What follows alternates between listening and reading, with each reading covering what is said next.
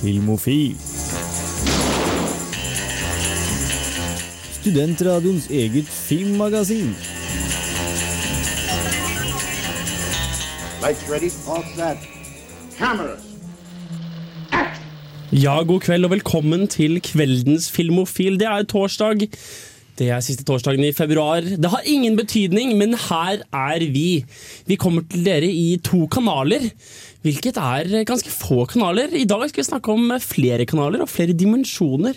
Ikke bare to dimensjoner på et uh, flatt lerret, men tre dimensjoner. Vi skal gi dybde, vi skal gi tid, vi skal gi lukt, vi skal gi smak. Smaken av god radio, forhåpentligvis. Og bringerne av disse mange dimensjonene over så mange kanaler vi klarer, er Henrik Ildenringel her. Jeg har med meg Jan Markus Johannessen. Hans Usternes. Og Frida Hempel. Aller først skal dere få Spider-God med Tourniquet her på, på Radio Revolt. Håper du eh, koser deg, om det så er podkast, Soundcloud eller eller, eller, eller slett bare direkte her på Filofilen.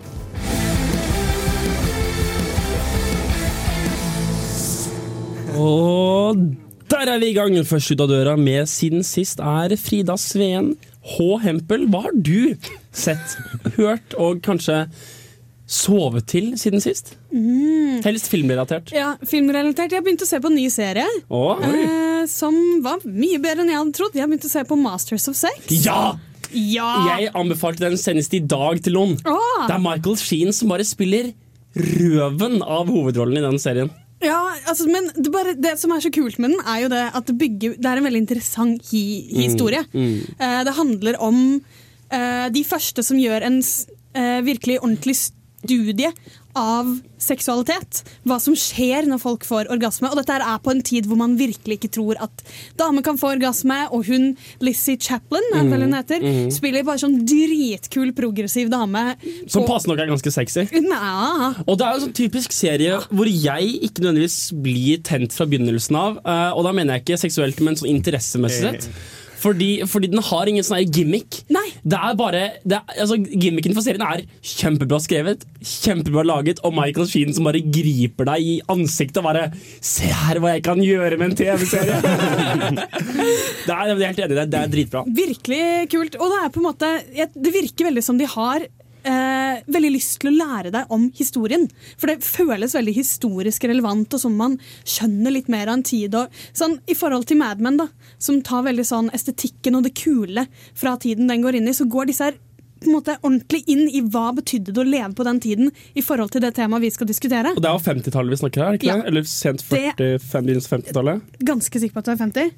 Ish. I hvert fall som Mad Men, da så er det en, tids, det er en tidssatt TV-serie, og den er veldig gjennomført.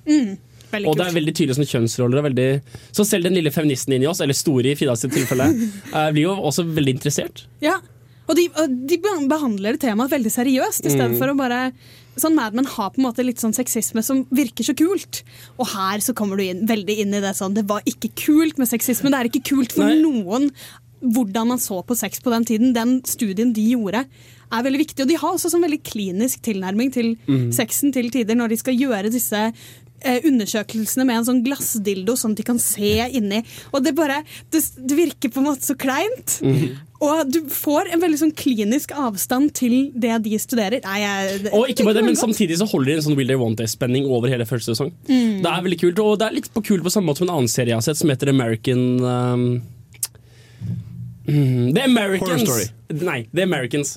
Som er også en ekstremt vellaget serie. Uh, handler om et par spioner i, ja, som bor i Amerika uh, på 70-tallet. 1981, tror jeg det er. 1981. Um, I Washington. Og, eh, og det er også en sånn serie som ikke har noe veldig god sånn der, Den griper deg ikke fra begynnelsen av. Den har ikke noe god hook.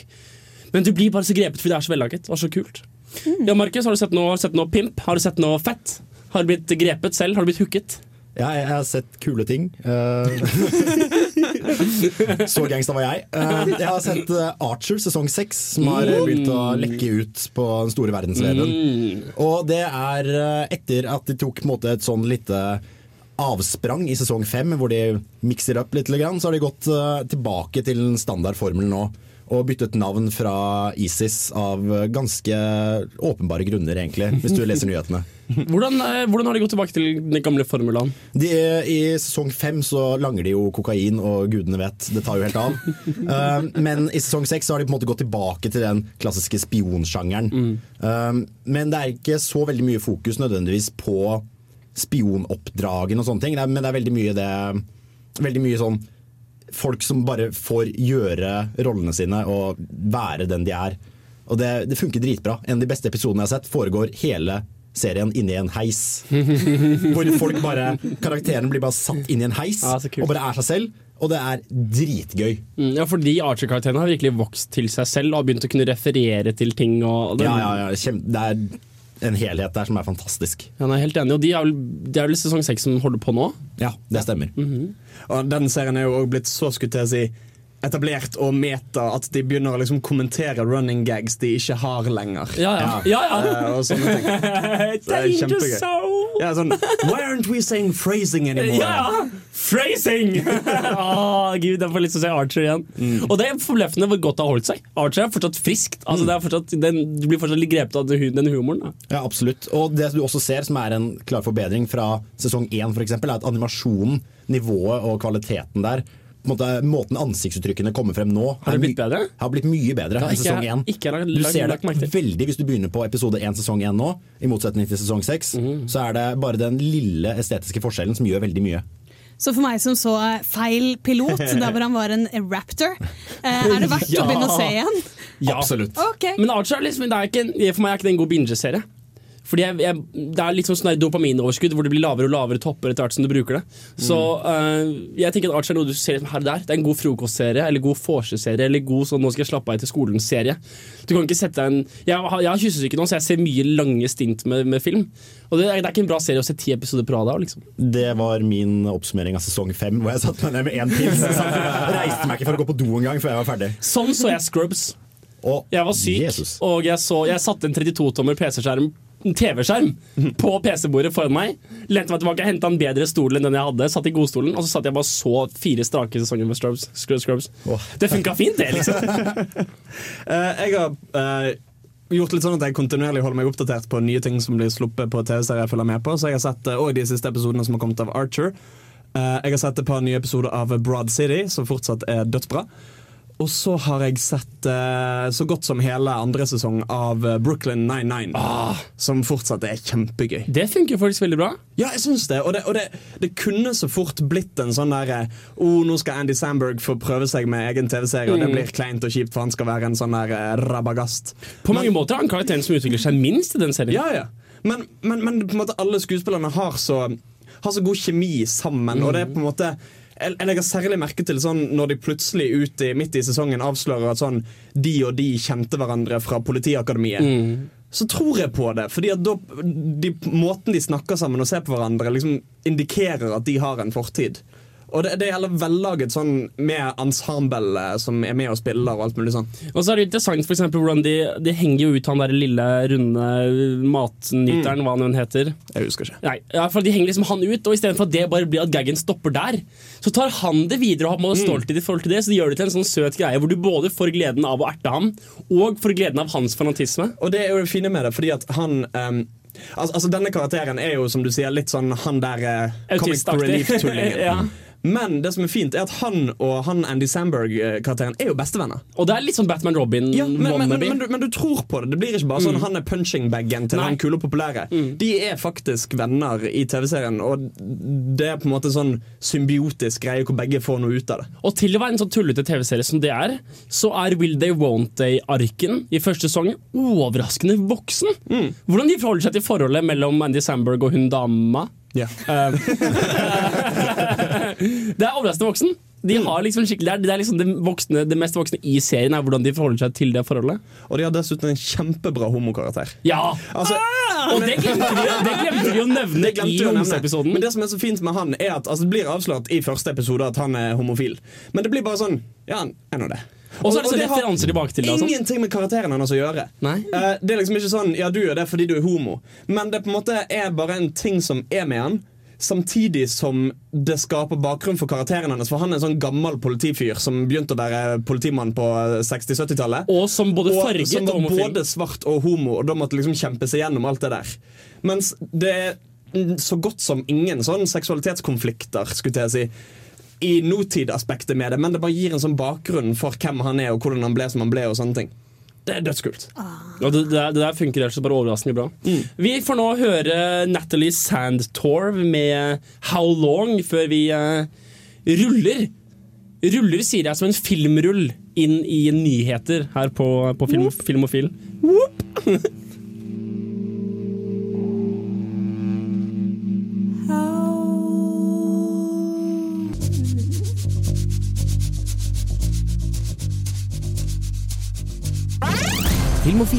deg nyhender fra filmen og fjernsynets i spanende vær. Det er nyhetstid, og vi setter over til vår nyhetskorrespondent Hans Ystanes. Hallo, hallo, hallo. Hei. Vi skal begynne sterkt med noe Det kan godt hende dere visste dette fra før. Jeg visste ikke fra før. Det skal komme en ny Alien-film. Altså ikke Prometheus 2, som må komme, men en ny Alien-film. Er det en prequel, sequel, parallel? Sequel. Dette er interessant, nemlig. Ok. Fordi den skal regisseres av ingen ringere enn Neil Blomkamp. Hvem er det?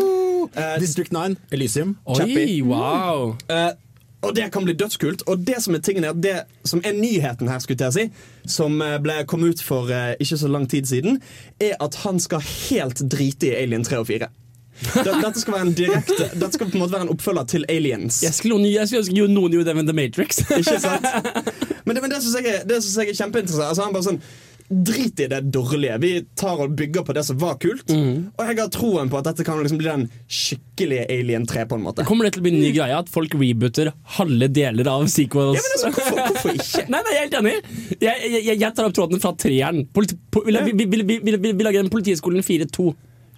Jeg er veldig spent på å se hva han gjør med dette. her Jeg gleder meg kjempemye, fordi han er jo han er jo opprinnelig en sånn spesialeffektsarbeider som er ekstremt god på å få til spesialeffekter. Og det er jo Alien 1 og 2 er jo var jo kjent som liksom de filmene som bare skapte en absurd atmosfære med å ha sånn props og sånne praktiske rekvisitter ut Og- av ville helvete. Og satte på mange måter på en måte standarden for hva du kan få til uten CGI. Ja, Men nå er jo han en ekspert på nettopp CGI, da, så det blir veldig spennende å se om han går tilbake til praktiske effekter, eller om han bare driter i alt sammen og kjører kun CGI. Rent økonomisk sett så skulle man tro at han er nødt til å kjøre CGI. Men det kan være at han har, i og med at han er på en ekspert på begge, så har han en viss oversikt over hva det er som gjør CGI dårlig. Men det er morsomt da å se John Wick lages av tidligere action-koreografere. Ja. Og nå lages Alien av tidligere spesialeffekt-koreografere. Det, det er kult Det har skjedd en utvikling. rett og slett eh, veien vi skal gå videre. Så en litt trist nyhet, eller det kommer an på. Lego Movie 2 skal ikke regisseres av uh, lord, De- lord and Miller. Hva, hvorfor ikke? Fordi dette er bare et rykte. Det kan tenkes, og dette høres egentlig fantastisk ut, at de skal jobbe med en crossover mellom 21 Jump Street og Men in Black. Hæ? Hvordan La den synke inn. OK, ok. Wow. Fordi, altså, altså, de to lagde to helt fantastiske og undervurderte filmer i 21 og 22 Jump Street. Ja. Som er jævlig morsomme. Og ja altså, la, oss ikke, la oss ikke ta helt av. De var bra. de er jævlig morsomme. Eh, uansett, moving on. Um, Men in Black-franchisen har jo dabbet litt av med treeren, som ikke var noe særlig å skrive Ja. hjem om. Ja. Og jeg bare ser for meg at de kan liksom gjøre noe så jævlig mye tid Altså Det kommer til å bli absurd. Det kommer til å bli liksom tullete, tøysete. Men det er ikke nødvendigvis et problem for deres stil, føler jeg. Kan de lage en Men in Black-film uten Will Smith? Har jeg lyst til å se en Men in Black-film uten Will Smith? Uh, kan vi være sikre på at Will Smith ikke kommer til å være med? Har vi lyst til å ha han med? Ja. Så, Hvis han er kjempegammel og liksom men, så du vil ikke se en ny film, men du vil ikke ha den med? Hva? Jeg tror jeg klarer meg med antall Men in Black-filmer som Jo, eksisterer. men det er jo på en måte Det er jo bare et litt sånn tullete konsept med en myte man har, og så har man bygget ut Ja, det, det sånn. Og det er et utrolig kult univers. Ja, og det er på en måte så lett. Eh, men for å gå tilbake til Lego Movie 2, da, så er den i Nei, jeg vil- påstå nesten trygge hender. Eh, den som skal regissere filmen, heter så mye som Rob Shrab. Rob Gøy, gøyt navn. Han har ikke lagd noen film før, men han har jobbet på en rekke TV-serier, bl.a. Parks and Recreation, Workaholics og sist, men ikke minst Community. Så Jeg Det- liker alle de TV-seriene. Så det, det kan hende at det faktisk kan fortsatt bli bra, selv om du ikke har liksom visjonen til Lord Miller. Men de skal være med å produsere filmen. Og har vært med å skrive manuset. I og med at jeg kan stole på deg til å være så positiv til alt som kommer i fremtiden, så tror jeg Ja. muligens at jeg nå stiller meg kontrasterende. Um, motstå I kontrast. I kontrast. Ord og sånn. Eh, Jeg stiller meg motst I kontrast til eh, det ved å si at jeg tror ikke at noen som hadde ansvaret for Community sesong fire, bør lage noe mer. Sa jeg at han hadde ansvaret for Community sesong fire? Du sa at han hadde ansvaret for Community, og jeg ser ikke for meg at det er andre enn han var med å regissere. Og da Community. er det vel ikke andre enn han hovedduden som forlot for sesong fire. Som betyr at resten som var med på sesong fire, er ikke folk De har ganske mye utskiftning av stab. Ja. De har vært en stor gjeng som skrev det. Det var jo ikke bare det at Dan Harmon som forsvant, som gjorde sesong fire til det den var. Det var jo litt det at noen prøvde å toge inn og ta over og forandre hele konseptet. Det var jo også veldig sånn executive eh, trykk på å gjøre ting annerledes og bli vanligere og sånne ting. Så jeg tror ikke du skal bare avskrive folk fordi de var med på den. Bottom line, det blir bra. Så skal det komme en ny Tomb Raider-film. Yay. Jeg vet ikke om dere. har men. Skal Lara Croft være med på den? Nei, eh, hva er det hun heter? Hva er det hun heter? Du tenker på Angelina Jolie. Nei. Hun skal ikke være med. Dette skal bli en helt reboot av greien. Og tipp om jeg er psyched. Jeg tror du er psyched. Jeg er psyched!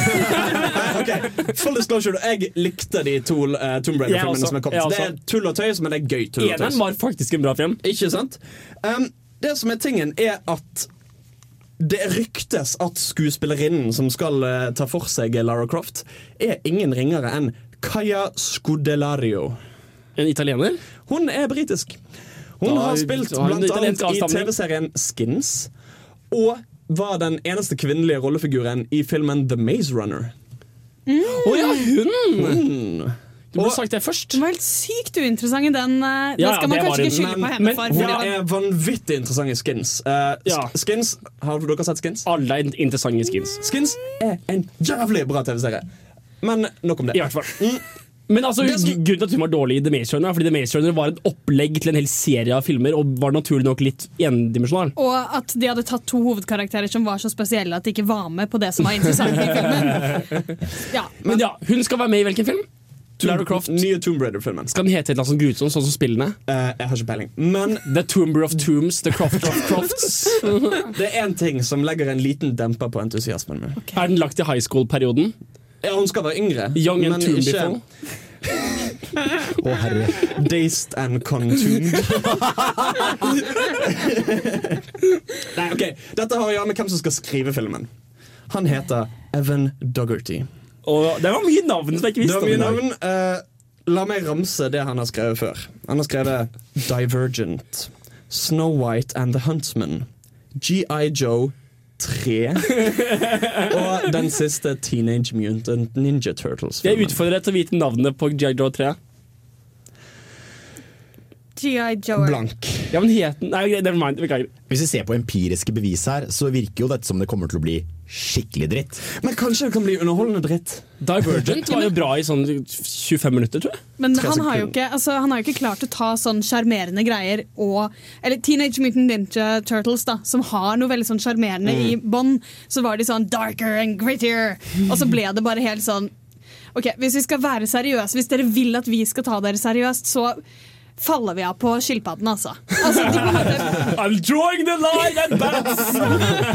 jo, men litt sånn der, det derre Man må på en måte finne ut Dette her er dette som er tullete. Men dere skal få være med på det, og det blir gøy. Men han har ikke helt klart det før. Jeg er faktisk, jeg er faktisk med Henrik her. Jeg er skeptisk. Jeg har faktisk ikke sagt at jeg er skeptisk, har jeg vel? Jeg bare går ut fra Ja, det. Ja, du har rett, du har rett. Jeg har bare ikke kommet så langt ennå. Så må vi jo selvfølgelig ha en liten oppdatering på Fifty Shades of Grey. Jeg trodde, når, når kommer vi til Oscarene? Det har vært Oscarer siden sist. Kan vi snakke om Oscar? Fuck, fuck Fifty Shades of Grey. ja, men jeg har Fifty Shades of Grey nytt. Ja, vi vil høre om Fifty Shades of Grey. Shades of Grey Dette er bare raske bulletins. Jamie Dornan skal fortsette. Who han som cares? spiller hovedrollen. Ja! Um, han hadde egentlig tenkt å gi seg fordi at konen klaget så jævlig mye Hvorfor bryr du deg om en film som du hatet? Er det, er det, Det er sånn elsker og Det hate-greier. er jo et, det er jo et fenomen. Det som er tingen, er at uh, Fifty Shades Grey tjente sinnssykt mye penger. Faen. Eh, men de som har skrevet manuset til Fifty Shades of Grey, har gitt seg. De gidder ikke mer. Ble de ble- Så drept noen av dem? det som ryktes, og det E.L. James, forfatteren av bøkene, kjemper hardt for Er det for mer sex inni ja, Hun skal få lov å ta over all kreativ kontroll i manuset. Dette har ikke studioet bekreftet at hun får, men hun lobbyer hardt for å få det. Pluss at Vi har snakket om det før, at R-rating er ikke noe som blir gjort på Nei, storbudsjettsfilmer. nei, nei, eh, NC-17 blir ikke gjort på storfilmer. Og da kommer ikke hun til å få så mye rumpepuling og BSDM-kveling som hun har lyst på. Så det kommer bare til å bli platt og kjedelig og mer underleppebiting og mer slow Men Henrik, det du glemmer, er at E.L. James er en kunstner. Jeg mener jo at egentlig burde de bare ta og gå fullt ut og lage en porno av dette her. Det sier jeg også. Virkelig liksom Også- bare også bare- Produsert på Ja, ja. Og så Bra bare kalle den for skuespill og Fifty sånne Shades of ting. Grey. Ikke Ja, ja. for noe annet. Ordentlig porno. Kan vi ikke, har jeg nevnt min geniale idé som jeg fant på for mange år siden om hvordan den her skulle regisseres? Alle sexscenene må de gjøre sånn som sexscenen i Anchorman. At de bare går inn i sånn animert og rir på sånn enhjørninger. og sånn. Det hadde vært kjempeflott! Det hadde vært kjempegøy. De hadde kommet gjennom all Det hadde vært dritgøy. rating-shit. Eventuelt saktefil, eh, eventuelt å speede opp og ha sånne skyggespill. Speedet opp skyggespill, det hadde vært gøy. Okay, La oss snakke litt om Oscar. Ja! Det var Oscarer på søndag. Det var det. Og Frida vant vår lokale filmofilkonkurranse. Hvor mange retter hadde du, Frida? 20 av 24. og det, det skal nevnes at hun jukset ved å gjøre research. Et sitat fra Hans Ystadnes natt til mandag når vi så den, var Handle Citizen Forum Edward Snow Å ja, da hadde jeg fuckings oh, Da hadde jeg tatt den, da! Men man får jo vite en del av Det var jo det som er litt kjedelig. Man får vite så mye fra de prisene som deles ut før, sånn som vi snakket om. Så sånn, det var jo det. Jeg leste meg jo opp på det. Og dermed så Ja, for jeg synes det er usportslig. Ja, Resten av oss tok det på ordlyden. Så, så, for du, du tar det på resultater og sånt. Ja. Vi, vi tok det på filmene. Ja, ja, ja. Men det skal også sies at jeg skrev jo en artikkel da, som gjorde at jeg måtte At jeg nesten måtte gjøre litt research. Du mener på den, ja, akkurat, du mener den som ble lagt ut på dusken.no? Ja, det gjorde jeg. Og da gjorde jeg masse research til den. Fikk noen andre skrivecreds på den? Jan Jeg, Markus? jeg var med å skrive, jeg fikk ikke med meg noen ting. Det er mulig. Hvor, hvor mange rett hadde du, Jan Markus? Jeg husker, jeg har ikke turt å telle. Var det, det var single digits. Sannsynligvis. Jeg tror jeg hadde ti. Jeg tror også jeg hadde single digits. Hvor, hæ? Hæ? Nei, jeg hadde, jeg altså, altså, Hans her satte Whiplash på filmer som ikke var nominert til Whiplash. det gjorde jeg ikke. Og jeg hadde Grand Budapest Hotel på alt. Men jeg kan bare si at eh, jeg, den feilen jeg, en feil jeg er veldig glad for at jeg fikk, er at Whiplash fikk beste klipping. Og det hadde jeg ikke forventet. Jeg trodde den skulle gå til Jeg husker ikke Men den er så tight klippet. Jeg vet det, og jeg, jeg, var, jeg ble så glad for at de så det. Liksom, den, fikk, den fikk noen priser, altså. Jeg var fornøyd. Var, var, fordi det var Birdman og um, Grand Budapest Hotel var de som vant flest Oscars. Jeg tror Whiplash var på tredjeplass. Ja, for du fikk jo Best Supporting med han der kisen. Ja. Og Boyhood, til vår store glede, ble jo, fikk jo nesten ingenting. Han fikk uh, Best Supporting Actress. Nei, Best hovedskuespilleren. Nei, ikke oss. supporting. supporting bare. Fikk de ikke også Best Achievement for eh, Directing? Eller Best Achievement Nei. for Producing? Regi, regi var um, Birdman. Birdman. Ah, ja, ja. Nei, men Det var jo et slag i ansiktet for han som hadde brukt ah, 17 år på den. Uh... 12. Vi skal ta Du er ferdig med nyhetene nå, Hans? Jeg er helt ferdig. Ja, men da, da Eller, er vi kan ta en liten en. Du har 56 sekunder. De har sluppet en Aquaman-plakat. Ok, da går vi til nå. Ok, Dere får eh, Broen med 14 her på Filmofil.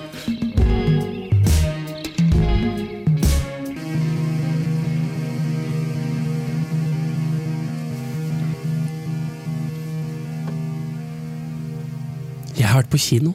Har du vært på kino? Jeg har vært på kino. Wow, Vet du hva som er kult? hva er kult? Pressevisninger er kult. Det er kult. De bare møter opp. Bare Det er tre folk i salen, du setter deg ned, så blir det lys og grav, og filmen begynner. Er det mye reklame på pressevisninger? Det er faktisk ingen reklame på pressevisninger. Det er, altså, jeg, var jeg, jeg bare, det er one of the pleasures of my life. Hashtag Altså. Det er litt fint å ta reklame for noe vi får nyte, og ingen, ingen andre får gode, liksom kjenne på hvor deilig det er. Dette er jo bare gloating. Ja, det er det. Vi skryter litt. Det er litt sånn jævlig bra byline-sending så langt. Men det er bra. det er bra Jeg, jeg, håper, jeg håper du liker oss hvis du hører på. Ellers så er det jo veldig masochistisk. Og hvis du hører på som masochistisk nytelse, så kan jo dette bare hjelpe. Ikke sant? Eh, jeg har vært på da kino og sett The Kingsman. Nei, nei Kingsman. Ikke, ikke det? Nei, det er Kingsman, kolon, The Secret Service. Ah. Ah. Mm. Mm. Eh, jeg så jo da denne traileren for uh, jeg, så, jeg, uh, jeg ser jo ikke Du trailere. ser jo ikke Hvordan skal jeg intro denne anmeldelsen? Jeg var og så denne filmen. Og eh, jeg hadde en vag forhåpning om at den skulle være kul, blant annet fordi jeg digger Colin Firth. Som skal fungere som sånn delvis hovedkarakter. Og det, det, det Jeg visste egentlig helt frem til sånn for fem timer siden ikke helt hva jeg syntes om filmen. Ok. Uh, den var delvis veldig bra, delvis det kommer, det kommer egentlig Akkurat den følelsen kommer frem i anmeldelsen, så jeg tror vi bare vi ruller eh, anmeldelse. Begin countdown.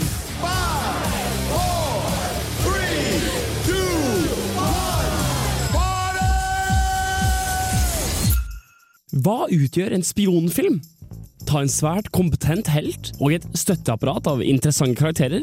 Tilsett i en genial skurk med et utspekulert plott, om mulig et plott som gjelder hele verden. Fordel utover to timer og smør på med humor, spenning, litt følelser og en vakker potensiell kjærlighetsinteresse. Ser du det for deg? Cheesy one-liners, litt sakte film, og musikk som svært entusiastisk bygger opp ethvert filmatisk grep. We are an independent international intelligence agency operating at the highest level of discretion. Ok, legg så til en klassereise for å øke vårt, vårt engasjement i helten. Ungdomskriminell utstråling i et rom fylt av tweed-kledde unge voksne fra Oxford. En sterk kontrast mellom det engelske aristokrati og arbeiderklassen. I think this fucking thing go? Deep enough. Being a Kingsman has nothing to do with the circumstances of one's birth. If you're prepared to adapt and learn, you can transform. Der har du Kingsman. Det er en spionfilm der Colin Firth spiller den etablerte superspionen, Samuel L. Jackson spiller den lesbende skurken, og Taron Egerton spiller jyplingen med et farskompleks. I tillegg er filmen laget av Matthew Vaughn og Jane Goldman, de som lager Kick-Ass og de to siste X-Men-filmene. Alle tre verdt din tid i kinosetet.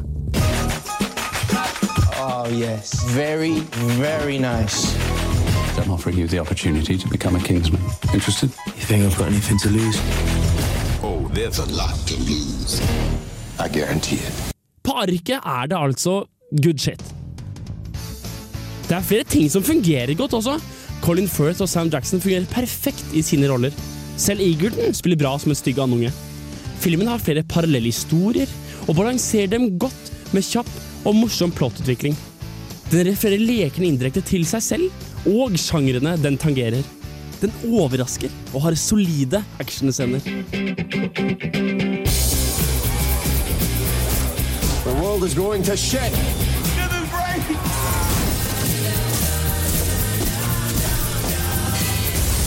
A little steam. Halvveis ut i satt jeg og koste meg skikkelig og ønsket at eh, filmen skulle vare mye lenger. Det er et veldig godt tegn, men også så lenge moroa varte. Altså, filmen overdøver et par av de klassiske grepene. Dermed forsterkes jo den humoristiske effekten, som er det jeg tror filmskaperne mente, men det blir også cheesy. Og hvis du balanserer det litt feil, så blir det kjedelig og forutsigbart. Jeg tror det var en bevisst veksling mellom overeksposisjon og elegant kjapphet, mellom tull og troverdighet, men mot slutten tipper det over, og jeg satt litt apatisk og begynte å kjede meg. Etter hvert som filmen nærmet seg sitt vanvittige høydepunkt, ble det ble bare så, så forutsigbart, da. Troverdigheten tok liksom et, et stygt treff. Det som hadde vært så fornøyelig bare 15 minutter siden, var nå blitt forsuret. Much. Til syvende og sist er det en film jeg er glad jeg så. 129 minutter med action og et par minneverdige scener. Spesielt én kampscene med Colin Firth, som jeg ikke kunne vært foruten. Hadde den bare holdt helt inn? Men dessverre sitter jeg skuffet igjen. Den gjorde et par ting veldig godt, men til syvende og sist holder det dessverre ikke. For meg er det Ja, det er en film jeg ville betalt for å se på kino, men jeg kommer ikke til å kjøpe Blu-rayen. Ja, Så bra du slapp å betale for å se den på kino. men altså, jeg har en sånn binær greie hvor jeg liksom, når jeg går ut av kinoen, så prøver jeg å bestemme meg der og da for Er jeg fornøyd med at jeg betalte for den. Det er liksom min sånn Det er drit i terningkast. Det er liksom ja eller nei. Enten så er jeg fornøyd med de 120 kronene jeg betalte, eller, eller ikke. Og dette er en film jeg er glad jeg så på kino, for det er en storskjermfilm. Uh, en ting jeg lurer på om denne filmen um, Det er jo de samme folkene som har lagd filmen som lagde Kickass. Og det er jo òg basert på en tegneserie lagd av de samme som lagde tegneserien Kickass. Det visste jeg ikke. Det visste jeg. Ok. Mm. Kanskje du ble fuckings dratt? Eh, ja, men, ja, men for, fordi Et av problemene jeg hadde med Kickass, var at den var litt sånn Det er åpenbart at vi parodierer noe, men vi vet ikke helt hva vi parodierer, eller hva vi mener om det vi parodierer. Definitivt den siste der. Følte, ja, følte du den lot seg overføre til dette? Ja. Absolutt. Um, de var bevisst ved sjangeren, men de var ikke selvbevisste ved sin parodiering, på en måte. Nei. Um, Det, men og det ble på en måte en satire den- uten noe Ja, og den etterlot meg litt sånn utilfredsstilt på samme måte som Kickass gjorde. Hvor det er et kult konsept, og de grepene de tar, er kule. Og det er et øyeblikk i filmen hvor du sitter og bare Ja, yes, fett, dette, dette liker jeg. Dette er det Bond skulle vært. Eh, eller komediske Bond skulle vært. Det nyere Bond er noe helt annet. Ja, for det er akkurat som Kickass, så starter, får jeg inntrykket ut fra den altfor lange traileren jeg ble tvunget til å se en gang på kino, som varte i sånn sju minutter og egentlig ga bort hele plottet. Ja. Så er det et, Jeg har fått inntrykk av at det er som det starter som litt sånn lowdown og veldig realistisk. At dette her, dette kan være ekte. Dette kan skje, liksom. Ja, ja. Men så, som, akkurat som i Kickass, så går det over alle hauger, stokk og stein, og det er bare sånn Nei, du. Skjerpings. Ja, ikke, og, og, og det er jo interessant Jeg er helt enig i det poenget ditt om at den tar seg friheter. Og det er jo en egen filmsjanger, på en måte. Som, hvor, de, hvor de bare kaster alt av, av, av, av, sensibility ut av vinduet. Og bare OK, nå kommer denne moren til å bli påkjørt av en bil out of nowhere. Unge i barnevogn og mor blir bare buff, påkjørt, på, på, påkjørt. Og der markerte vi forandringen i stemningen i filmen. Uh, da er vi i gang! Woo! Og, uh, det, er, det, er jo, og det er jo en god uh, frihet å ta seg i film, spesielt disse Kickass-filmene som de lager.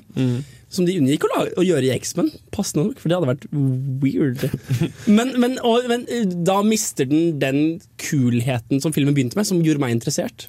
Jeg må si at jeg likte Kickass veldig, veldig veldig godt. Da bør faktisk. du se denne filmen her veldig, veldig veldig mye. Ja, fordi jeg syns det er litt sånn hyperrealistisk på Eller sånn, ikke hyperrealistisk som i veldig realistisk, men sånn derre eh, opphøyet eh, virkelighet. Sånn ja ja, pff, vi later som vi er i ordentlig verden, men dette, vi tar oss stilfriheter hele tiden.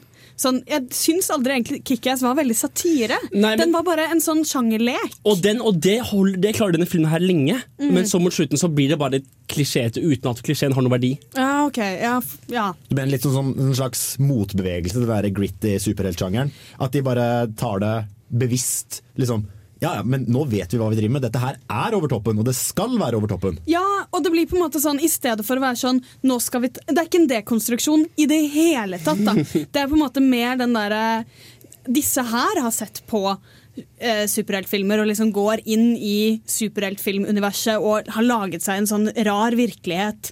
Mer enn at de prøver å ta superheltsjangeren og dekonstruere. Det blir jo da Kickass. Nå har jeg snakket om ikke. Så hvis de gjør det samme med Spionsjangeren. Det Åh, jeg merker jeg ble gira! Og så var det så deilig energi. Er det så deilig energi? Ja, det vil jeg si at det er Og det at de, klarer, det at de holder så mange parallelle historier gående, og at de på en måte lager et spenningspunkt, og så lar de det være mens de gjør noe annet, gjør at de kommer seg gjennom eksposisjonen veldig lett. Det, du, de, de på en måte reisebitene av filmen, hvor du tas liksom gjennom en karakterutvikling eller du tas gjennom en utfordring, eller en, et eller annet, holdes veldig godt fordi det er spenning. Og du gleder deg. Du sitter og gleder deg. Du er, du, du er entusiastisk gjennom hele, og så dabla på slutten. Så hadde jeg, hadde jeg liksom hadde jeg gått etter en time og 15, så hadde jeg vært dritfornøyd. Nei. Vi kan ta og høre litt på, på låt. Eh, Det er, det er passende høy intro på Warp Riders. Eh, A Tea Party with Demons.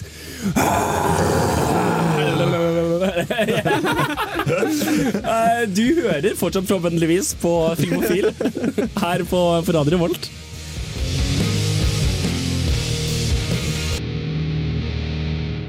Da er den første timen eh, omsider snart over, og vi beveger oss inn i tema her på Filmofil. Eller Fridafil, om du vil. Frida. Ja. I dag skal vi snakke om noe egentlig alle hater, men fortsatt gjøres. Vi skal snakke om 3D-film. Jo, men jeg syns, ja, ok, jeg syns det er Det veldig er jo interessant sykt innøvd ut. Det er jo ikke innøvd. Jeg synes det er veldig interessant med 3D-film at det fortsetter å komme, og folk er sånn OK, jeg må bare prøve å finne en visning som ikke har 3D. Ja. Jeg bare orker ikke 3D. Og, og allikevel så fortsetter de å lage mer og mer, for det koster mer, eller, eller er det Og det er liksom Det er noe som er så stort som jeg ikke Jeg har fortsatt til gode å møte en som har et skikkelig godt forhold til 3D. Er ikke 3D et så stort konsept rett og slett fordi kids liker det? Det kan godt være. Ja, for jeg tror det rett og slett bare er det at kidsen bare sånn «Se, du kan nesten ta på. Tror du det? Du? Ja, Kids som indirekte kjøper demografi, som får foreldrene sine til å dra på 3D. selvfølgelig. Du ser jo alle de barnefilmene. Altså sånn Uh, Big Hero 6. eh, Var det 3D? How to Train Your Dragon 2. Eh, alle de filmene der fins i 3D-versjoner som blir sant. blæstet mer. Den nye Svampebob-filmen. Du så, 3D-versjon. du så ikke The Imitation Game i 3D, liksom? Ikke sant? Det er et godt poeng. Barn er ikke så bevisste kjøpere heller, så det kan jo også være bare at de blir pusha på. og sånn, Den her går i 3D, Pff, gå, i, gå og se på den i 3D. Og så tror jeg ikke du møter en femåring som er sånn «Øh, Jeg orker ikke de brillene. Jeg vil gjerne se på en vanlig film. Jeg vil se en annen visning. Mamma, finn en annen visning til meg. Jeg har litt Du følelsen av at du var den Er jeg langt unna? Nei. Men hvis det hadde vært likegyldig, så hadde du ikke gjort det i så stor grad som de gjør. Dø! Jeg, jeg, jeg, jeg, jeg, Fordi da kan de kreve mer penger. Ja, det er, det er 15 kroner ekstra nå for Ikke sant? 3D-visning. Og hvis du da også bare gjør en gimmick av det, sånn ja, du må ha 3D-briller, å ja, men det, her er dyr, dyrt å filme, så da må du betale mer penger også. Og når prosjektoren først er installert, så er jo det noe som betaler seg selv. Men altså, hvis vi skal følge en keynesianistisk samfunnsanalyse, så vil jo det si at markedets usynlige hånd ville ha ført til at ingen gikk på 3D-visningene. Hvorfor det? Fordi folk ikke gidder å betale ekstra og ha på seg 3D-briller hvis de ikke liker det. Da, tar- da, er vi tilbake på det, da er vi tilbake på det Frida sa om at folk er ikke så bevisste kjøpere. Altså, å, den, den visningen ser fin ut klokka ni. Altså, folk bryr seg mer om når det er, enn hva det er. på en måte Folk som går og ser en Folk som går og ser Big Hero 6 i 3D med norsk tale. Er det en kjøpegruppe du tror bryr seg om Nå, vet, du hva, vet du hvem du snakker om nå, Henrik? Du snakker om barn. Du snakker om framtiden. Jeg syns akkurat noen her sa om framtiden framtiden i deres hender. Snart får vi se Gudfaren-trilogien utgitt på nytt i simulert 3D og på norsk. Svampebob-gudfaren i 3D. Jeg har sett 'Løvenes konge' på 3D, i 3D. Gjort om til 3D, faktisk. Men, men det bør jo sies at for eksempel Titanic ble jo relansert i 3D. Som ikke er en barnefilm. Altså Bare for å liksom ødelegge litt mitt eget argument her. Ja, men det er James Cameron. James er Cameron veldig har så, har så stor hard-on for 3D at det, er- det er vanskelig å begripe. Det er jo sant, men også liksom 3D-filmen over alle 3D-filmer, Avatar. Ja. James Cameron. Ja. Og Avatar er jo også den ene filmen jeg har sett i mitt liv hvor jeg tenkte 3D tilføyde noe. Ja. Enig. Vi skal jo faktisk snakke om Avatar litt senere. Skal vi det? Ta, fordi den er så dritgodt eksempel på litt sånn klassiske 3D-filmer. Utrolig godt planlagt. Frida. Ja, dritbra planlagt. Jeg forutser hva som kommer til å skje. Hashtag Frida Fil. Hashtag Fridafil. It's happening. Hashtag it's happening. Noe annet som er happening, er at Kappekoff skal spille litt for dere. Det er eh, låta 'Youngstorget', som jeg håper dere har hørt før. For det er, en, det er ikke så helt verst. Det er ikke så verst. Musikk her på Radio Revolt. Det var Kappekoff. Og nå Teknikk 3D. Woo! Det skjer. Det er Jeg har nå prøvd å lage en, eh, en sak, en ting, en greie for dere som skal prøve å oppsummere de tre vanligste formene for 3D vi møter på i dag, på tre minutter. For dette har ingen av vi hørt her før heller. Nei. Så i likhet med deg, Kjell lytter, så er vi veldig spente. Eh, blir det veldig teknisk enn Markus? Jeg har prøvd å gjøre det enkelt og ikke ha så mye om kvantefysikken i polarisert 3D. Blir det folkelig og fint? Jeg vet ikke helt. Det, det finner vi ut når vi har hørt det. Oss fra Dragvoll kommer vi til å forstå det. Jeg håper det. Jeg har liksom prøvd å spørre litt forskjellige folk og se om de Som forstår fokusgruppe. det. Men du er, du er min fokusgruppe, Hans. Du og alle der ute som hører på, som kanskje eller kanskje ikke forstår det. Jo, men Det er plenty mulighet til å både spørre spørsmål på Facebook og uh, sende SMS hvis jeg finner ut Det er en S Vet du hva? Jeg, jeg, jeg skal finne ut om jeg kan sende SMS. Ja. Du, det kan du. Skal jeg gjøre det? Til, til at neste gang skal vi finne ut hvor du kan sende en SMS. Hvis du Og- lurer på hva vi snakker om, altså. Hvis Ja. du har spørsmål til Ja, ja. oss, så kan du sende sms oss Ja, For det, det blir en kjapp spørsmålrunde etter dette her. Selvfølgelig blir det. Og jeg syns egentlig vi bare skal prøve å kjøre på, og la meg fortelle om 3D. Hva er 3D? Hvordan fungerer det? Og hva gjør de forskjellige metodene for å vise 3D, ja, nettopp forskjellig? Len deg tilbake i godstolen, ta på deg 3D-brillene og forbered deg på å bli med inn i Videoens tredimensjonale verden. Vi starter med den eldste og mest velkjente formen for 3D, vår egen reelle verden. Grunnen til at vi kan bedømme dybde og se at ting faktisk ikke bare er en flat plakat, er fordi vi har to øyne. Øynene våre er plassert med en liten avstand fra hverandre og ser derfor to bitte litt forskjellige bilder av verden. Hjernen vår syr disse to bildene sammen til en tredimensjonal oppfattelse av verden, og vi ser en verden med dybde. Det de mest vanlige formene for 3D-teknologi har til felles, er at de forsøker å gjenskape disse to forskjellige bildene som avstanden mellom øynene våre gir oss, og mate dem til oss på en måte som gjør at riktig øye ser riktig bilde. Å filme i 3D er overraskende enkelt. Man tar bare to kameraer inntil hverandre og lar hvert kamera simulere hvert sitt øye. Verre er det derimot å vise dette igjen, slik at man ser det som 3D. Den eldste og enkleste formen for 3D-prosessering er anaglyfisk 3D. Det er den teknologien som bruker forskjellige fargefiltre i brillene. Det er her man bruker de karakteristiske røde og blå 3D-brillene folk i dag bruker med ironisk distanse. Ulempen er den at fargefiltrene ikke nødvendigvis gir de peneste fargene på det ferdige produktet, og at det blir veldig slitsomt å se på i lengden. Den mer moderne formen for 3D-film, som brukes i stor grad på kino i dag, er polarisert 3D. Her brukes polarisert lys fra to prosjektorer som sender ett bilde hver. Uten å dykke for dypt ned i fysikken, betyr polarisert lys at det svinger i en bestemt retning. F.eks. svinger lyset fra den ene prosjektoren opp og ned, mens lyset fra den andre svinger fra side til side. Brillene du har på deg har to filtre, ett på hvert øye, og de slipper bare inn lyset som svinger riktig vei. Derfor ser man forskjellige bilder med hvert øye, og man får 3D-effekten. Den siste av de mest vanlige formene for 3D er den som brukes i 3D-TV-er med aktive briller.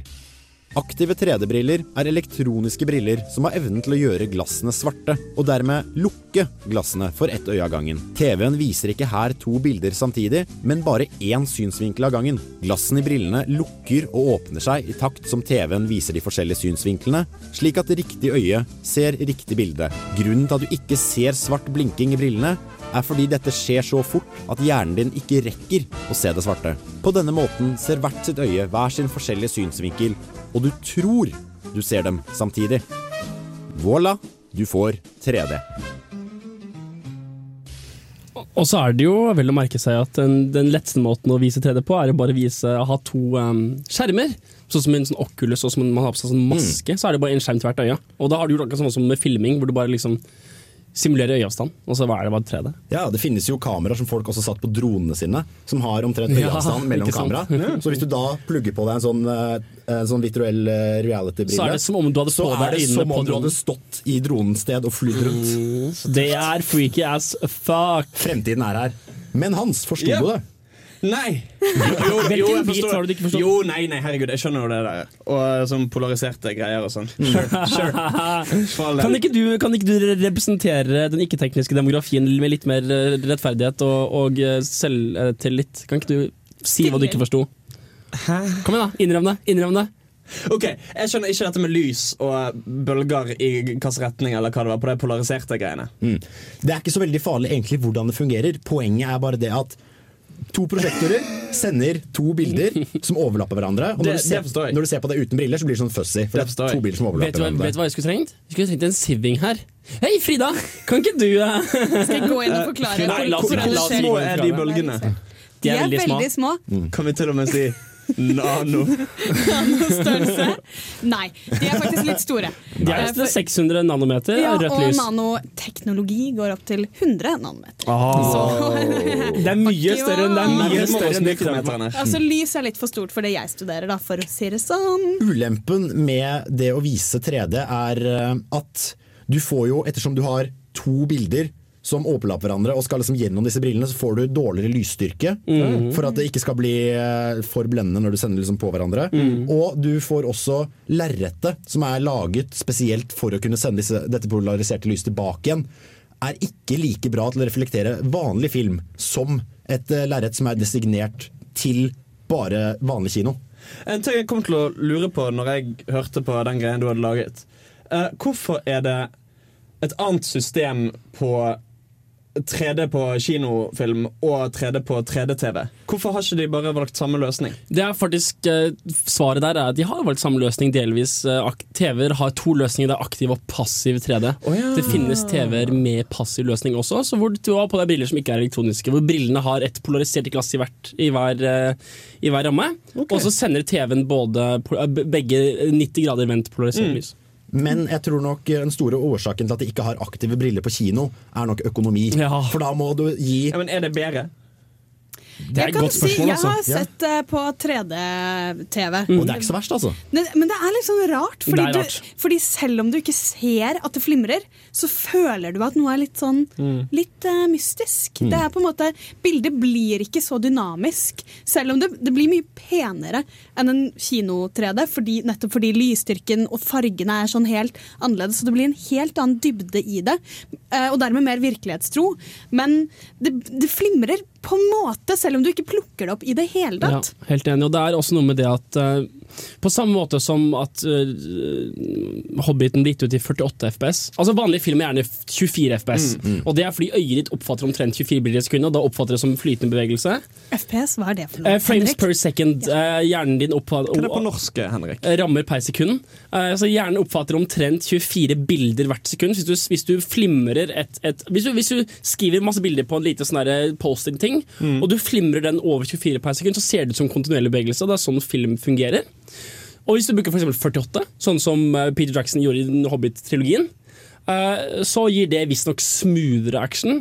Men på samme måte, hvis du da lar en skjerm prøve å, gi deg hvert øye 24, og du har en aktiv lukkemekanisme, så kan det virke litt sånn flimrende. Men hvis en da hadde brukt 48 FPS og gjort sånn annethvert bilde fra annethvert synsvinkel, ville en da opplevd det som 24 FPS i 3D, på en måte? Hvis du skjønner litt hva jeg Altså Ideelt sett ja, men det er veldig vanskelig å få det godt nok, den teknikken. Fordi øyet oppfatter ikke digitalt, øyet oppfatter analogt. Så det er litt sånn stress. Og svaret på spørsmålet om hvorfor du ikke bruker eh, samme teknologien på TV, er fordi som eh, Yami nevnte, så er du, du får et problem med lysstyrke Ja, når du har passiv. Hvis hvert øye bare skal oppleve halve bildet, så må du ha dobbelt så sterk lysstyrke på TV-en. Mm. Og TV skal gjerne fungere i lyssterkt rom, du skal gjerne få farger i direkte solskinn, og derfor så har du aktive bilder som lukker annethvert øye, slik at TV-en kan bruke full lysstyrke hele tiden. Det skal jo også sies at En av de tingene som skjer på kino, er jo at det er ikke alltid at hele kinosalen faktisk får en reell 3D-opplevelse. Nei, det er sant. Ganske mange av dem så må du faktisk sitte direkte reflektert Ja. eh, fra pros prosjektorene Mm, mm. for at du skal få et virkelig 3D-bilde. Sånn at Mange mener jo at man f.eks. skal betale for 2D, eh, en Hvis du sitter på 2D-billett hvis du sitter på kanten. Mm. Uh, jeg har en sånn der eh, Nintendo 3DS eh, som har en 3D-skjerm. Den trenger du ikke briller på. Det du derimot må, er at du må justere nøyaktig avstanden til hvor ansiktet ditt er. Så sender den på samme måte som en sånn gammelt glanskort som justerer Når du vrir det, så gjør 3DS-skjermen det samme. At den, jeg tror den justerer til hvert øye. Tror jeg. Ja. Og ulempen hvis du hadde hatt dette her hadde ikke gått på kino, fordi én, å lage en så stor skjerm hadde vært helt dønn umulig. Og det hadde også bare funket for et bitte lite ja, del, av vært, det hadde vært sånn ti seter i midten av salen som hadde fått eh, 3D. Alle andre hadde bare sittet og hatt vondt i Ja, for det er veldig merkbart hvis du ser på det fra en vinkel. Ja, er da er det gal? helt verdiløst. Ja, ja. Vi skal ta og gå til låt. Eh, Dere skal få eh, Amazon med Kelly, og vi håper at dere At dere henger på! For dette blir veldig, Det blir veldig teknisk. det blir teknisk fil der. Det er nesten ikke så uillustrert vitenskap for av Revolt.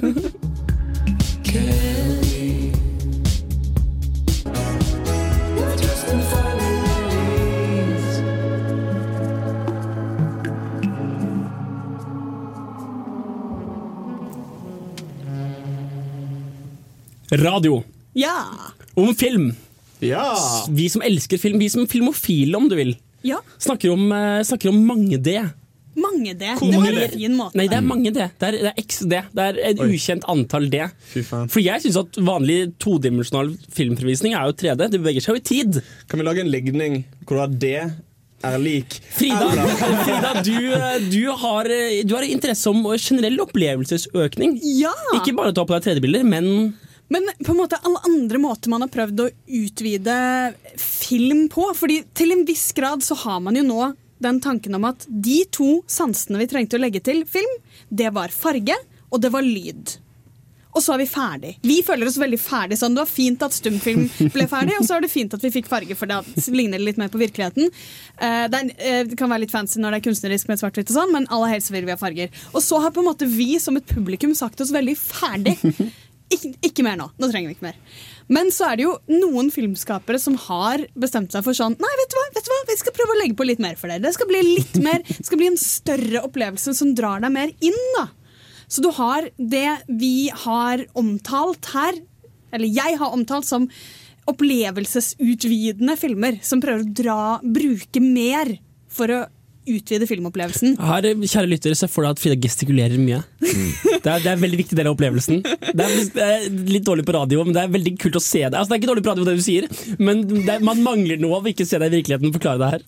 Å, ikke sant, sånn er det med film òg, ikke sant? Wow! Så hva er et eksempel da på er det for eksempel, hvis, eksempel, hvis, noen, hvis noen dasker deg mens du ser Fifty Shades of Grey?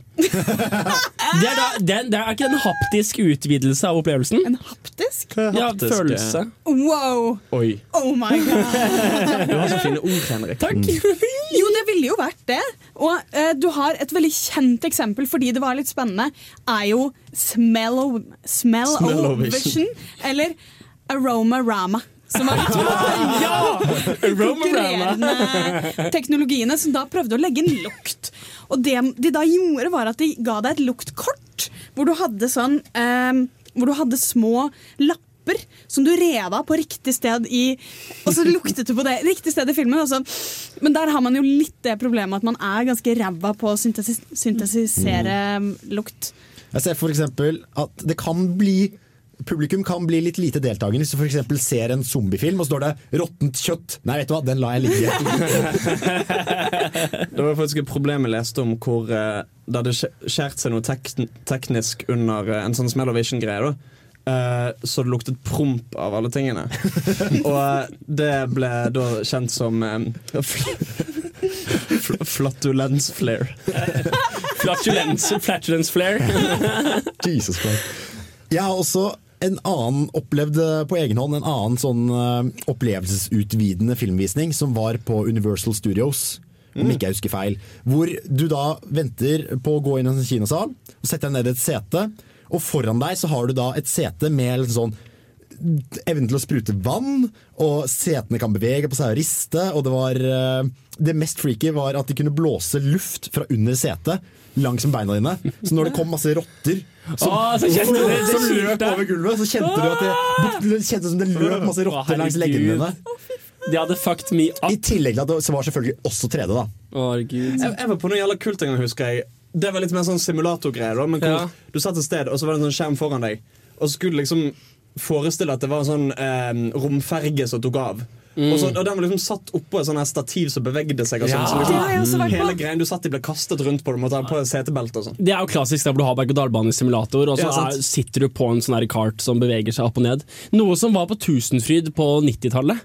Eh, var at du sto i et rom, og så var det en 360 graders skjerm rundt deg. Oi. Så det var du og 50 andre idioter som sto i midten av det rommet med full skjerm rundt deg. Jeg tror det var fire, fem, seks eh, prosjektorer som var stilt rundt i en sirkel, og så prosjektert ut på en rundt eh, kontinuerlig lerret. Og folk falt og sånn. Fordi det, det ble vist sånne biljaktscener eller berg-og-dal-baner, og ja, folk sto og lente seg mer og mer. mer, mer, mer. Eh, I Danmark så har de også en veldig fin sånn eh, det, er vel brukt litt som museum, hvor du har bare at hele taket er en, mm. et kinolerret. Og så viser de veldig mye dokumentarer der, spesielt om sånn stjernehimmelen. Ja! Og jeg så en om Egypt, der hvor de liksom fløy innover Nilen. Og jeg og min venninne Du er tippet bakover, så du på en måte ligger og ser den. Og jeg og min venninne var helt Hun var helt sikker på hvert fall at hun hadde flydd Jeg litt. tror jeg var, Er det ikke Nei, Ja, det er- det ikke eh, Copernicus-senteret? Noe sånn. Taste, taste, taste. Kan ikke vi sjekke det da mens vi hører på D'Angelo and The Vanguard med, med Sugar Daddy? La oss gjøre det. Woo!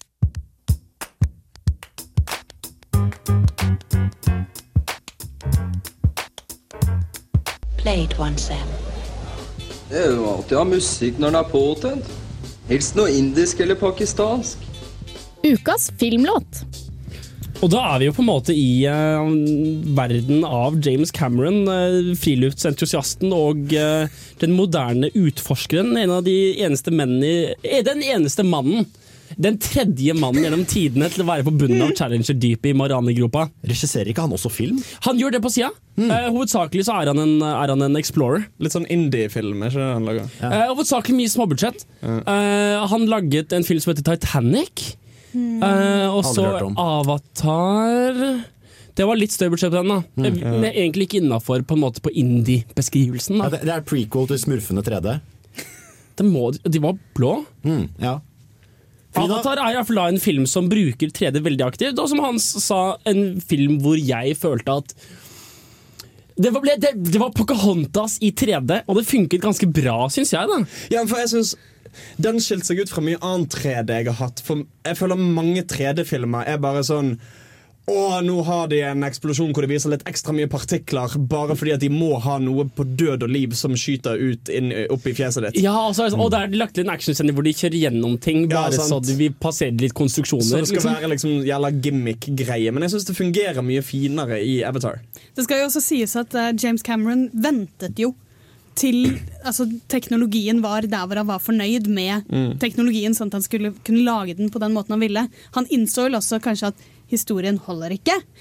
Noe mange av oss kan si oss enig i, uten at det var en veldig kontroversiell påstand. Men det er på en måte, det er ikke det som er poenget med Avatar. Nei. Den er jo den klassiske 3D-filmen i sånn Det du skal si når du sitter og ser på den, er wow! Mm. Der var det mye dybde. Og jeg synes jo rett og slett mye 3D-film virker litt uferdig ofte. Jeg syns, syns ofte det virker som det tekniske ikke helt henger i hop. Og det skumle er at det tar deg rett ut av involveringen. For, for eksempel, jeg skulle se den forferdelige, forferdelige uh, Tim Burton sin Alice i Eventyrland i 3D. Hvilken er det? Den er helt forferdelig. den med Hvem er jo. Johnny Depp som The Mad Hatter og sånne ting. Eh, ikke verdt å se i det hele tatt. Men, men den, den var i 3D, og, og det var sånn at jeg bare satt der bare sånn Dette har ikke de fått til. For det var sånn du, du kunne se at du så to bilder, på en måte for de var ikke Ja, ja. helt i synk. Så de, det, det stakk sånn kanter ut. Og det bare sånn Dette er dårlig Og så er det så unaturlig når de liksom flyr en bie forbi Ja, ute i rommet. Og så, Oi, det var 3D! Og tilbake til 2D. Ja, ja. Altså, det, er liksom, det er ikke integrert tredimensjonalt. Det skal sies, Jeg så jo den eh, godeste 'Løvenes konge', uh, som jeg nevnte tidligere, i 3D. Bare gjort om til 3D. Mm. Og det var en flott 3D-film, altså! Fordi de må på en måte bygge rommet allerede. Så de har brukt De har ikke noe sånn gimmick sånn Ja, se her. Her kommer den bille nærme deg. Altså det du skal se, er der borte. Så det, på en måte, det var veldig naturlig eh, rombygning i den filmen. Men hvordan funker det med at det er en tegnefilm? Og alle overflatene skulle si hermetegn er flate i tegnefilm. Ja, Så det er jo litt flatt, da. Det er jo ikke sånn Uber-3D. De har jo ikke Nei, lagt ok. inn liksom men, men det funket bra i forhold til den teknikken, da. At det blir litt sånn. Dukketeateraktig. Sånn her har du én eh, flate, og der har du én flate, og så ser du liksom Simba hoppe opp min, midt imellom. Det blir sånn pop-up-bok. Du ser det er flatt, men det er det er jo litt spennende. Men jeg synes jo det, det er litt interessant det med hvordan det å bli påminnet så mye på 3D-en tar det litt ut av opplevelsen. For en film som jeg syns fungerte jævlig bra med dette, til tross for at filmen i seg sjøl ikke er så bra, er Småspioner 3D. For, for der har de en gimmick med at det er 3D, som de på en måte integrerer i filmen. Hvor poenget er at de går altså, altså Litt sånn Tron-aktig, hvor de går inn i en sånn dataspillvirkelighet. Og, og da er det sånn at um, når de er liksom i virkeligheten, virkeligheten, så er det 2D. Men når du går inn i dataspillet, blir det 3D. Og da har de på en måte bare gjort det til sånn Vet du hva? Fuck, fuck alt sammen.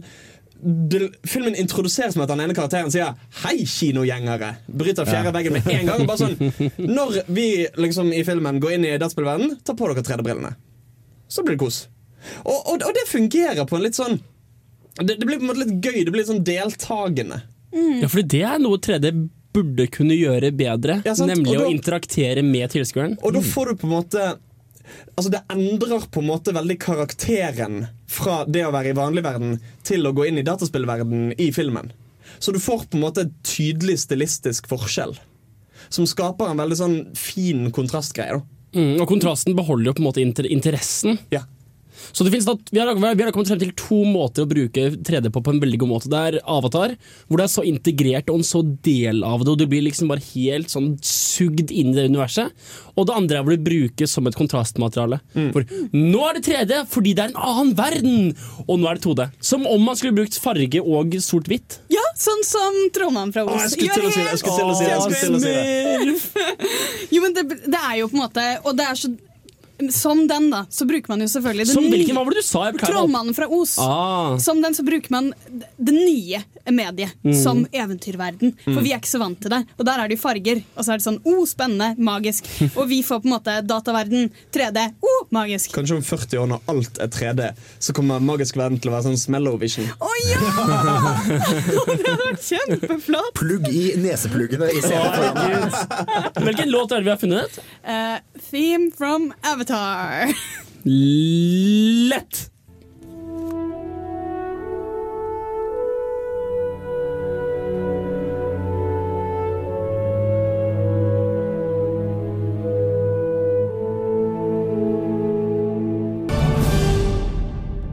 Jeg og Bård uh, Ræv, beklager, Ræstad eh, fra Nerdeprat på Radio Revolt skulle dra og se en uh, film. Big Hero 6, for å være mer spesifikk. Og så hadde vi valg mellom eh, 3D norsk tale, og vi hadde valg mellom masse ting, men vi hadde to originalspråk 2D-alternativer. Det var Prinsen og det var Nova. Det var, det var Nova 9 og Prinsen 5 eller noe. Jeg gikk inn på Wikipedia og fikk listen over alle prosjektorene som brukes på Trondheim kinoene. Og det var gøy. Da følte jeg at nå begynner jeg virkelig å- nå begynner jeg å bry meg. Ikke sant? Var- de, var, de fleste av dem var 2K, og noen av dem var Dolby Atmos Surround. Eh, men det er altså da Det fins forskjell på prosjektorer som brukes i kino. Kan du forklare alle ordene du nå nettopp brukte? Ikke alle, du kan, men de tekniske ordene du nå brukte. Altså, en, eh, det vanlige på en vanlig eh, HD på en TV-signal hvis, hvis, hvis du kjøper en Blu-ray og, laster inn på din Blu-ray-spiller og får det opp på TV-en, så er det full HD gjerne. Det er 1080P, som det er 1920 piksler i bredden. Så er det 1080 piksler i høyden. Eh, og uh, det, SD, eller DVD, som er liksom det folk kommer fra, er gjerne da, la oss si 540 piksler i høyden. Så et 1080p-bilde er da i hvert fall fire ganger uh, mer oppløsning. Det er fire ganger så mange piksler i bildet som gir fire ganger så bedre bilde enn et vanlig SD-bilde. Det er HD. Mens for en kino så blir det altfor stort lerret til å bare ha de 1920, bare bare ha de to megapikslene. Så en kinolerret er da 2K, så det er to, 2000 piksler i høyden istedenfor. Så du får enda mer piksler. Men eh, Henrik, jeg kan ikke så mye om film og sånn. Hva står SD og HD for? Standard definition og high definition. Har du tenkt å bli en sånn som hvis Sett at meg og Markus kommer Hei, Henrik, har lyst til å bli med gå på kino? Ja, hva skal vi se? Nei, vi skal se Birdman. Ok, Hva sal skal vi se det i? Ja, nei, men da er Jeg det vet da faen! Fem! Nei, det gidder jeg ikke. Ja, men det er jo det er forskjellig. Det er forskjellige prosjekter som brukes i de forskjellige, eh, forskjellige salene. Og hva er forskjellen i opplevelsen, Henrik? Vel, altså Mange sier at de kjente for at 48 FPS-fremvisningen av The Hobbit Mm. var litt mer ubehagelig, for de syntes at folk beveget seg fortere. Så det var Mm. mange som hadde som spesifikt opp i mange av thai. Det var noen som spesifikt oppsøkte 24 frames, 24 uh, rammeraten, uh, spisingene spesifikt. Og i Trondheim så er det bare tre saler som kan vise 48 FPS. Nei, fire saler. Tre saler på Prinsen og én sal på Nova kinosenter som kan vise 4000 piksler i høyden og 48 FPS. Men fordi Jeg også satt igjen Jeg, så Hobbiten eneren i 48 FPS, og jeg har også satt med den følelsen av at det bevegde seg fortere. Kan du forklare hvorfor det gjør det? Det kan jeg ikke. Det, det vet jeg rett og slett ikke. For det gir på en måte ikke helt sånn intuitivt mening. Altså, Det som er klassisk, er at TV-bildet er gjerne 48 FPS, og eh, kinobildet er gjerne 24. Eh, og uh, så når, liksom, når en TV-serie skal gi et autentisk filmfølelse, så halverer de uh, oppdateringsfrekvensen på bildet. Fordi kinogjengeren er vant til å se kino i 24 FPS, mens de er vant til å se TV-serier i 48. Eller en annen framerate, rett og slett. Så det er bare uvant, er vel greia. Men liksom, syns du faktisk det er viktig at kvaliteten er på topp for at du skal nyte filmen? Nei. Norsk kino, eh, norsk kino er på en så høy standard. Det fins ingen kinosaler i Trondheim som har under 2K. Det fins ingen kinosaler i Trondheim som er mindre enn Dolby-godkjent 5.1. Så i Norge så er det nå fem ja, kanaler. Lydkanaler. Eh, surround betyr at du har mer enn to kanaler. Det betyr helst at du har lyd rundt deg. Og det betyr gjerne fem kanaler, så én kanal i midten foran, hvor gjerne lyden, stemmen og sånn kommer fra. Så er det én til høyre og én til venstre, som har hovedansvaret for, for å skape um, eh, lyden resten av, av lydbildet. Og så er det bakhøyttalerne som skaper rein lyd av kuler osv. Men det er jo siden det første liksom, bevegelige bildet blir vist fram, så har vi på en måte fått bedre og bedre oppløsning. Mm. Er vi på vei mot et sted hvor det ikke lenger det blir så bra bilde at vi klarer ikke se forskjell på om det er liksom 48K eller 60K?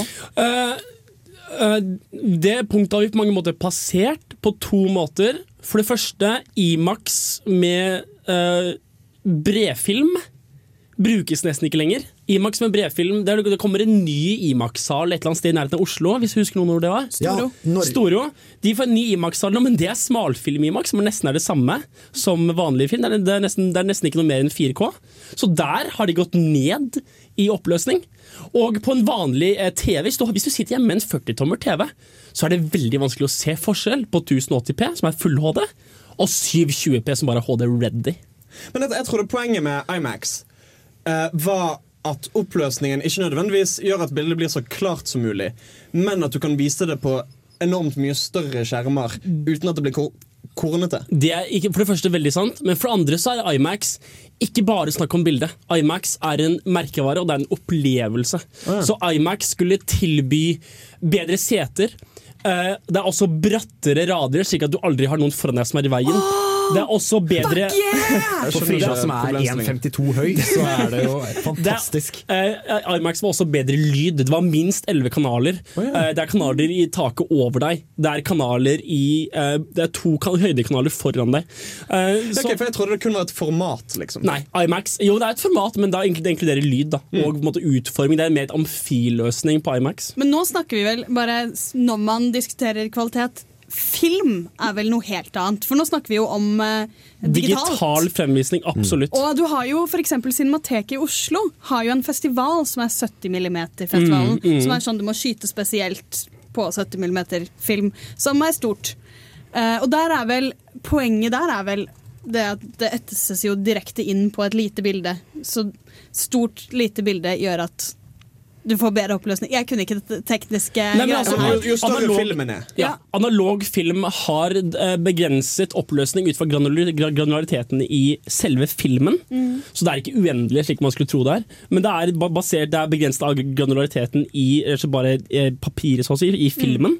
Og hvis du da øker bredden av filmen, så øker du da også oppløsningen. Og det er jo en del, eh, det er en del directors som, som sverger til analog film. Eh, Martin Scorsese, eh, Quentin Tarantino. Eh, det er jo flere store directors som, som sverger til analog, på samme måte som, art, som musikkartister sverger til analogt opptak av lyd istedenfor digital.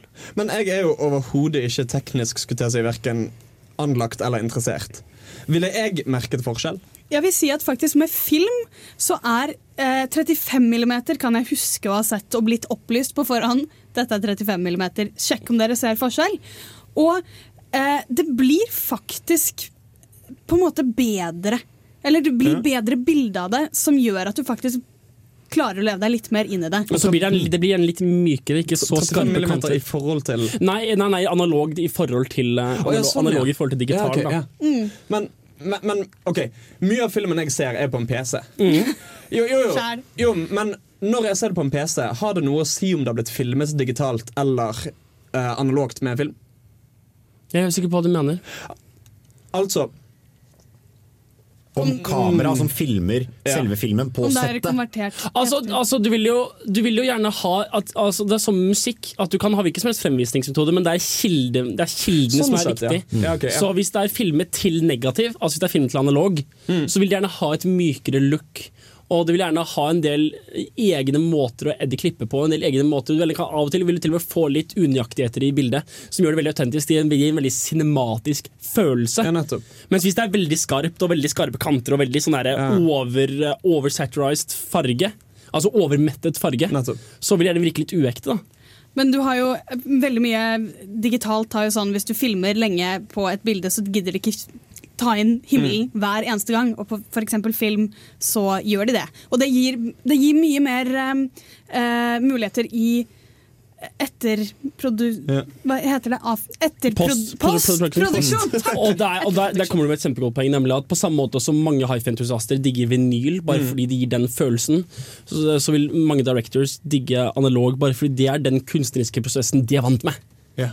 Nei, for Det, det syns jeg er interessant, eh, det dere sier med at realisme ikke nødvendigvis er et mål. For, for å gå tilbake til Hobbiten, som vi snakket litt om i sted. Um, det var litt av problemet mitt at jeg syns det virket mer kunstig og mer tegnefilmaktig. Nettopp fordi at framvisningen i hermetegn var mer realistisk. Ja. Uh, både i bevegelse og jeg, Det var sikkert noen sånne high def-kino jeg var på. Jeg husker ikke helt. Ja, det må ha vært Men- en 4K ja, sant, for det var HFR-kino. jævla skarpt bilde, og jeg syns det var litt for skarpt. For det var liksom litt sånn OK, jeg ser kantene på der liksom sømmen på kostymene går, og liksom det, det ser mye mer ut som en sånn teateroppsetning enn en filmfilm. Ja. Og, og kanskje særlig på fantasy-ting.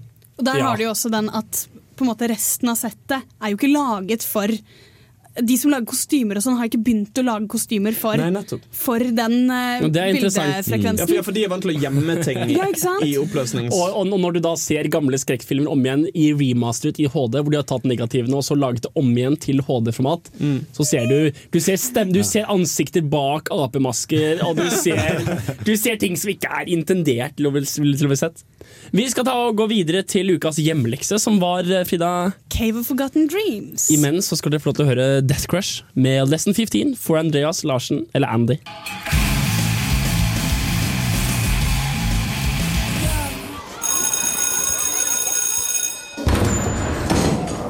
There will be no foolish wand waving or silly incantations in this class. No, okay, that's it for the day then.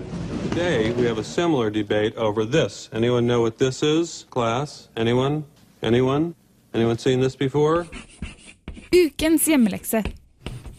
Og ukens hjemmelekse var altså hva for noe, Frida? Cave of Forgotten Dreams. Hva er det for noe? Det er en dokumentar laget av Werner Herzog, eh, som er skutt i 3D. Det er veldig kult. Fordi eh, den handler om en eh, hule med hulemalerier. Ah. Den eldste som, er som man har funnet. Og dette er da malerier fra eh, Det liksom starter 10 000 år siden, og så bare beveger det seg bakover. Det er, virkelig, det er det eldste vi har. Dette er en hule som er eh, stengt. Ingen publikummere får gå inn. Det er egentlig nesten så vidt noen eh, vitenskapsfolk får gå inn. Eh, men de ga Werner Herzog lov til å komme inn og lage en dokumentar. Eh, og han som mange andre hadde jo lenge avskrevet 3D som en gimmick. Det har jo vært på en måte filmkunstnernes eh, ganske unisone mening at 3D er ikke kult. Det er bare gimmick, ja. Ja. Eh, men så kom han og nei, jeg mener eh, cinematografen hans. Da de gikk inn, så skjønte jeg at det er så utrolig mye her som ligger i konturene. Mm. Det er så viktig å ha med konturene av denne hulen for å forstå hva disse hulemaleriene er. Og derfor så skjøt de den i 3D. Og det, jeg synes det er litt interessant fordi eh, Werner Herzog og hans på en måte eh, medregissør Wim Wenders, som var veldig store tyske regissører på 90-tallet, eh, har begge to skutt 3D-dokumentarer. Eller eh, Wim Wenders har skutt da en annen film som het Pina, som var en eh, dansefilm. Der hvor han hyllet en veldig kjent eh, koreograf. Eh, så det de har på en måte tatt De har jo tatt 3D som brukes til eventyr, action. Se her, eksplosjonene er større. Og så har de gjort noe helt annet med dem. Ja, fordi altså kunstnerens eh, oppgave til en viss grad, eller det jeg hører mange kunstnere snakke om, er hvordan hvor utfordrende det er å, å skape et produkt som reflekterer hva de ser inni seg. Mm. Og da, kan det jo, da, da er det logisk å tenke seg at, at, at en ekstra dimensjon, at dybde i bildet, kan hjelpe med å uttrykke noe ekstra kunstner, en ekstra kunstnerisk mulighet. Ja. Du har en dimensjon til bokstavelig talt å jobbe i. Ja, ikke sant? Og de, og de har jo snakket om da at de jobber så mye med å lage rom i filmer. Og du må bruke alle triksene du har for å kunne bygge ut et rom, sånn at vi føler at vi ser et rom, og ikke en skjerm. Uh, og, og da er det jo på en måte så, eh, Wim Wenders sa jo at 3D var gaven som gjorde at de kunne lage en dansefilm, fordi du løper fram og tilbake, og da må du se det. Mm. Og det føles jo også som målet deres her er at Ok, Dere kan ikke få komme inn i hulen, men dere skal likevel kunne besøke den. Mm. Og liksom se formen og steinen og liksom nesten lukte muggen som sitter i veggene. Ja. Ja, ja. Men, det, men det blir litt sånn eh, Det er jo også noe veldig kult de gjorde da de lagde Coraline. Den animasjonsfilmen. For det er når du går gjennom verden, den er jo eh, mellom de to verdenene, den er jo skutt i 3D, så, tar de, eh, så har de brukt disse filmkameraene som sitter i en vanlig øyeavstand. Ja, de gjør, de gjør ikke det, men, men de sitter med en viss avstand mellom seg, og så regner man Ja. ut forskjellen til vanlige øyne. Så øker de avstanden. Å, ja. Sånn at når du på en måte går mellom verden, så blir det sånn Og du ser Man må det fortsatt. rejustere seg. Ja, så Ah, du så sitter og får en helt sånn derre Og det merker du! Ah, så. Selv om du ikke aner hva de gjør. Hvordan, hvordan merker du at han bruker eh, den kunstneriske i denne filmen, denne Cave of Forgotten Dreams? Hva er det på det kunstneriske aspektet av hans bruk av 3D? Eh, Det er jo det at han, la, altså han tør å hvile så mye mer i bildet. Fordi det blir som om vi står og ser på en hule, i stedet for at han på en måte sånn Ja, akkurat, ja. Moskutt Han lar oss- herfra, han- herfra. Han lar oss ta det innover oss litt mer. Ja. Og la oss kanskje dvele litt mer ved den Vi trenger litt bedre ord enn, in, på norsk enn en, en innlevelse eller involvement. Altså, vi trenger, Hva er det det heter på engelsk? Eh, Immersion. Immersion. Hva er et godt ord? Immersion? Immersion. Men altså, Et av problemene jeg ofte har med 3D-film, er jo det at det er så bråkete. på en måte Det er så Raskt fram og tilbake, action, action, action. Hvordan opplevde du selve det å se en film i 3D når det var på en måte et så rolig Når det tar seg god tid? Ja, sant? Når det var en så rolig ting å filme i 3D. Når det ikke er liksom noen som skyter og eksplosjoner og sånn. Eh, Jeg synes det, det Ble, du- ble du sliten i øynene som du blir? Nei, ikke i det hele tatt. Nei. Og han har jo også et, et tidspunkt der hvor han sjefs... um, sjefsforskeren sier nå skal vi være nå må alle sammen være stille, nå skal vi bare stå her og høre etter. Og så filmer han disse menneskene som står og opplever Opplever Og det bare Det er ikke egentlig et bråkete format, Nei. slår meg i hvert fall. Mm. At det er Det er bare sånn det, ble, det, sånn det har blitt brukt. Liksom. Ja, at det er, det er en utrolig ekstra mulighet i det som vi, jeg ikke tror på at vi har på en måte utnyttet nok til at vi kan avskrive 3D helt. Så vi gir ikke opp Nei! her i Film Gir og Film. aldri opp. Nå får det Chris Weismann med Backpack People. Together. Hei! Hei! Det er ikke 90s sitcom-flashback. Ta og Skru på noe annet. Ja, bedre, men prøv igjen. Der, ja! Ahem. Filmofil presenterer ukas serie. Septimen etter kvint, det er dårlig. Disser du orkestermusikken? eh? Uansett, ukas serie. Ukas serie er den vakre, bitte lille dokumentaren 'Kingdom of Plants' med David Attenborough. Ikke til forveksling med 'Plantenes hemmelige liv', som er fra 95. Dette er da en dokumentar som ble filmet on location i Kew i England, Storbritannia. På et sånn botanisk senter der som har vært siden 1800-tallet. Og vi kan aller først egentlig bare høre den veldig kjente og ekstremt kjære David Attenborough fortelle kort om Kew. An estimated 400,000 different species of plant on the planet. We can't possibly understand the lives of each and every one of them. But here at the Royal Botanic Gardens in Kew, one of the birthplaces of scientific botany, we've begun to glimpse their extraordinary world.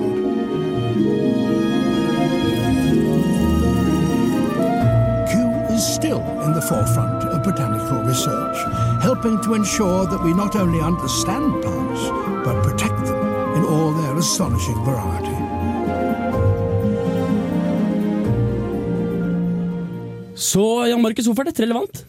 Fordi dette er en serie som er filmet i 3D. Og akkurat som Frida allerede har snakket om, så er dette en veldig annerledes bruk av 3D enn det man er vant til. Her har vi planter som gror, bokstavelig talt, i 3D. Og det er laget på en så fantastisk fin måte, hvor de da har kameraer som beveger seg så sakte at de følger planten oppover mens den gror i ekte tid. Og det er, det er helt Du får noen bilder der som bare er kun britiske dokumentarer som klarer å lage det nivået. Og når du da har David Attenborough som, går, ikke. som går rundt i en sånn litt for stor lys blazer og snakker om liksom planteliv og sånn. Jeg fikk lyst til å bare kaste meg på et helt annet studio og bli botaniker på stedet. Men Kingdom of Plants, det er, det er tre episoder eller noe? Eller? Tre episoder. Ah. Av en, det er en sesong. Det er en liten greie. Tre episoder. Og det er 50 minutter hver, eller? Ja, stemmer. Kult. Så det er jo Det som jeg oppdager med planter, er at når du ser dem bevege seg, altså speedet opp, så blir dette her en slags sånn studie i freudiansk seksualitetstenkning. For det er mye sånn planter som penetrerer, og pollen og blomster og bier, bokstavelig talt. Så det er sånn Ja, dette her var Og den planten der, det har jeg sett en form som ligner på noe helt annet. Men da, det, det ga det ekstra at, at det var 3D. Veldig. Det skal få eh, Incubus her med Absolution Calling. Vi nærmer oss da avslutning av hele sendinga med, med stormskritt. Håper at du lever deg inn i det. I de tre dimensjonene med, med høyre kanal, venstre kanal og tid her på, på Filmofil. Eh, Hvis du hører direkte, så er det Wave og Lossless. Ja, ja.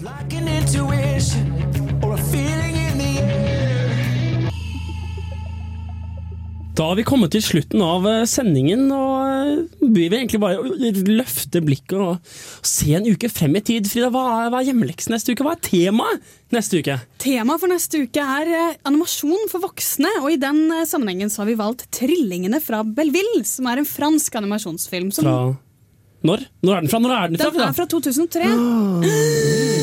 Spennende film som ingen av oss har sett. Hva Er an- voksen animasjonsfilm noe liksom verdt å merke seg? Ja, det, er jo, det har jo vært en stor greie med voksenanimasjon innenfor serier. Og det har jo, med filmer så har det vært litt mer sporadisk, men det er noen som på en måte eksperimentere eksperimenterer med så barne, en så kjent barnesjanger, og det er jo litt interessant. Ja. Så da tenkte vi at vi skulle prate om det. Det blir sikkert uh, vel og bra.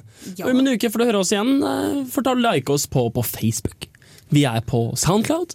Vi er ikke på Twitter, men det er et dude som heter atfilmofil. kan jo digge ham også, bare for å få spredt navnet, liksom. Eh, det har vært eh, Henrik i denne stemmen. Hans på denne. Jan Markus. Og Frida. Da sier vi takk for oss, så får dere Fallout Boy med Twins Skeleton her på Filmofil og, og Radio Revolt. Ha det bra, da.